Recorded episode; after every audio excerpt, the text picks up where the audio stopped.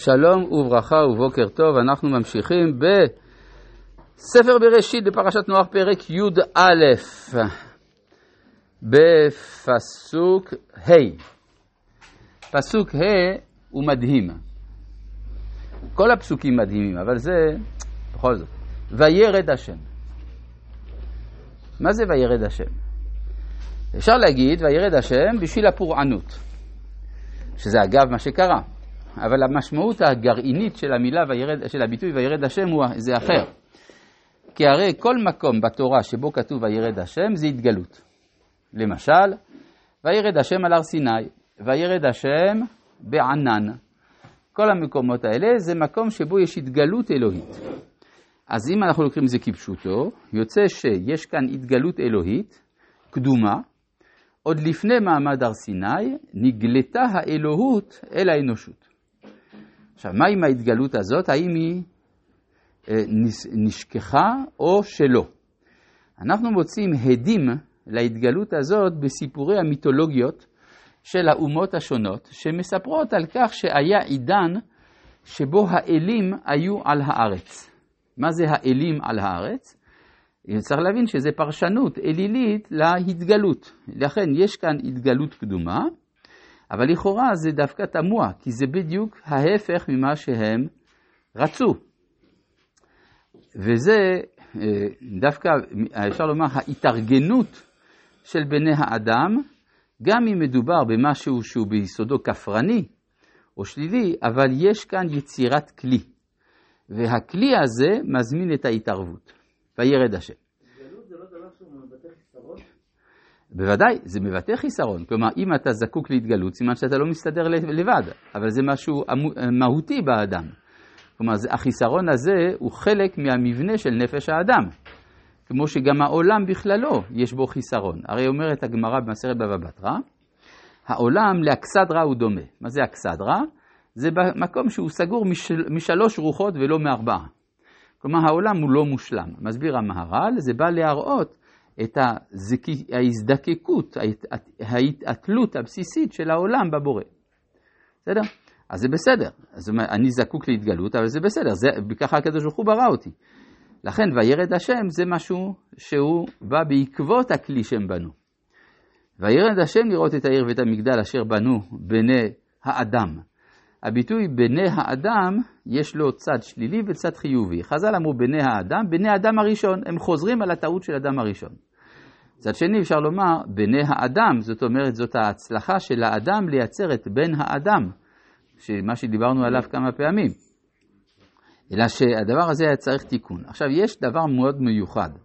רגילים לחשוב שכשיש התגלות זה מבטל את ההבדלים, כן? הרי זה כמו שאם קבוצת אנשים עומדת מול תופעת טבע מאיימת, התפרצות הר געש למשל, אז כולם מרגישים קטנים ובטלים לעומת המעמד.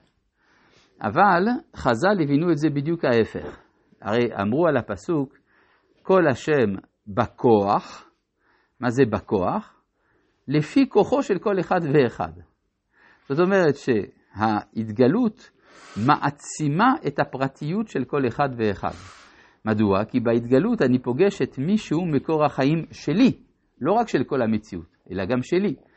יוצא שכאשר יש התגלות, דווקא האני הפרטי מתעצם, וזה השורש של המחלוקת. כלומר, וירד השם, ואז מכוח ההתגלות הייתה מחלוקת בין בני האדם. נכון, אז או שכולם מתו, או שעשו מאמץ לפני כן, וזה מה שהציל אותם. וייחן שם ישראל נגד ההר כאיש אחד, אלמלא זה, זה היה נגמר לא טוב. בסדר? אז זה מה שכתוב כאן, וירד השם, ההתגלות הזאת, היא יוצרת את, ה, את ההבדלה, וזה מה שאחר כך מתואר. פסוק, מה? אתה אומר ששם קדם ל"ויחן שם ישראל", יש אחד בלב גם פה היה קש אחד בשפה נכון, נכון, נכון. למה פה זה לא הצליח ושם זה כן הצליח? אז היה נס, אפשר לומר, באמת, זה ש... בעקבות מעמד הר סיני בסוף כולם הצליחו אה, לחיות, אז התורה קצת מספרת את זה, כן? שהם פנו למשה, אמרו אם זה ממשיך ככה, הלך עלינו. אז תפנה אתה, כן? היה משהו כזה שם. לעומת זה פה לא נראה לי שהם יכולים לפנות לנמרוד שיעשה משהו.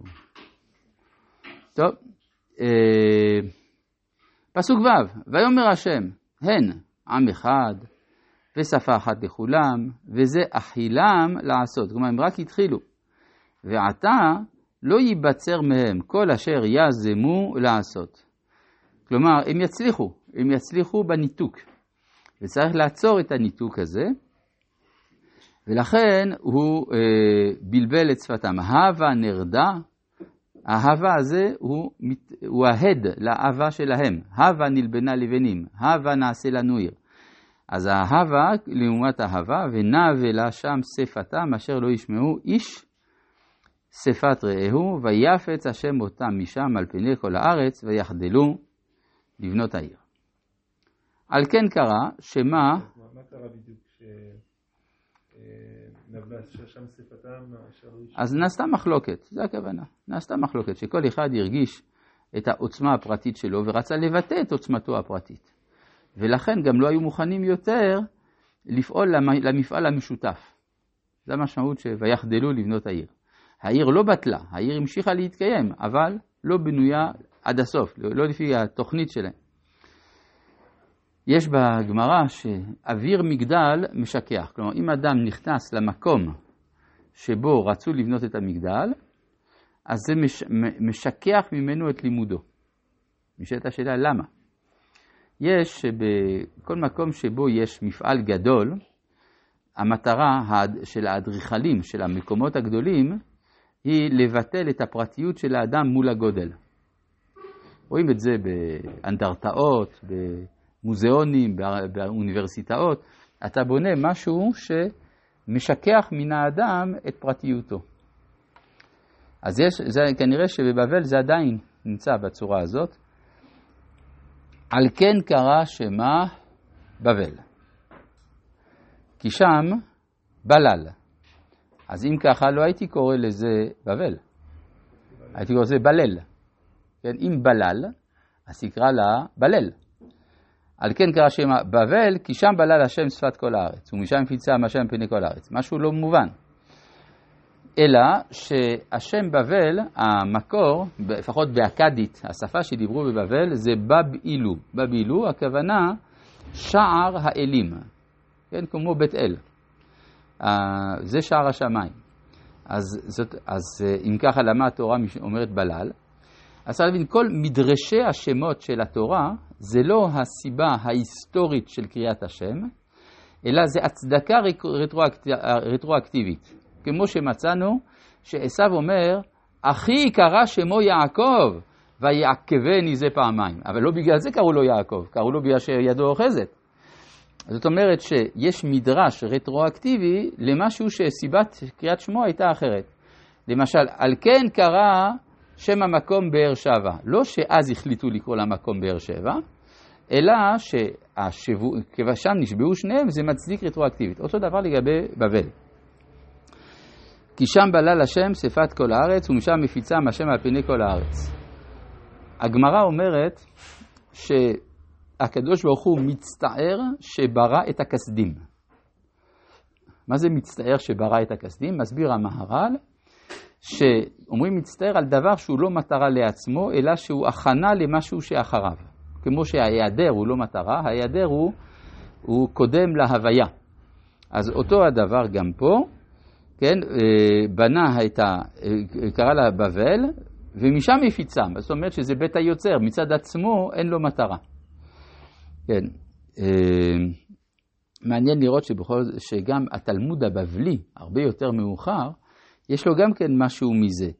כן, שם בהתחלה כל ישראל גלו לבבל, ומשם מפיצם על פני כל הארץ, כל הקהילות היהודיות זה בא משם. ייתכן שיש פה איזה מין העתקה של הדגם שהתחיל בבבל. ומשם מפיצם השם על פני כל הארץ.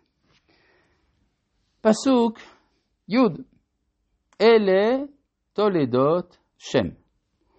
זאת אומרת, אחרי התולדות של נוח יש לנו תולדות נוספות, והם זוכים לטיפול בפני עצמו שנעמוד עליו בהמשך. רבי חנניה בן הקשיא אומר, רצה הקדוש ברוך הוא לזכות את ישראל.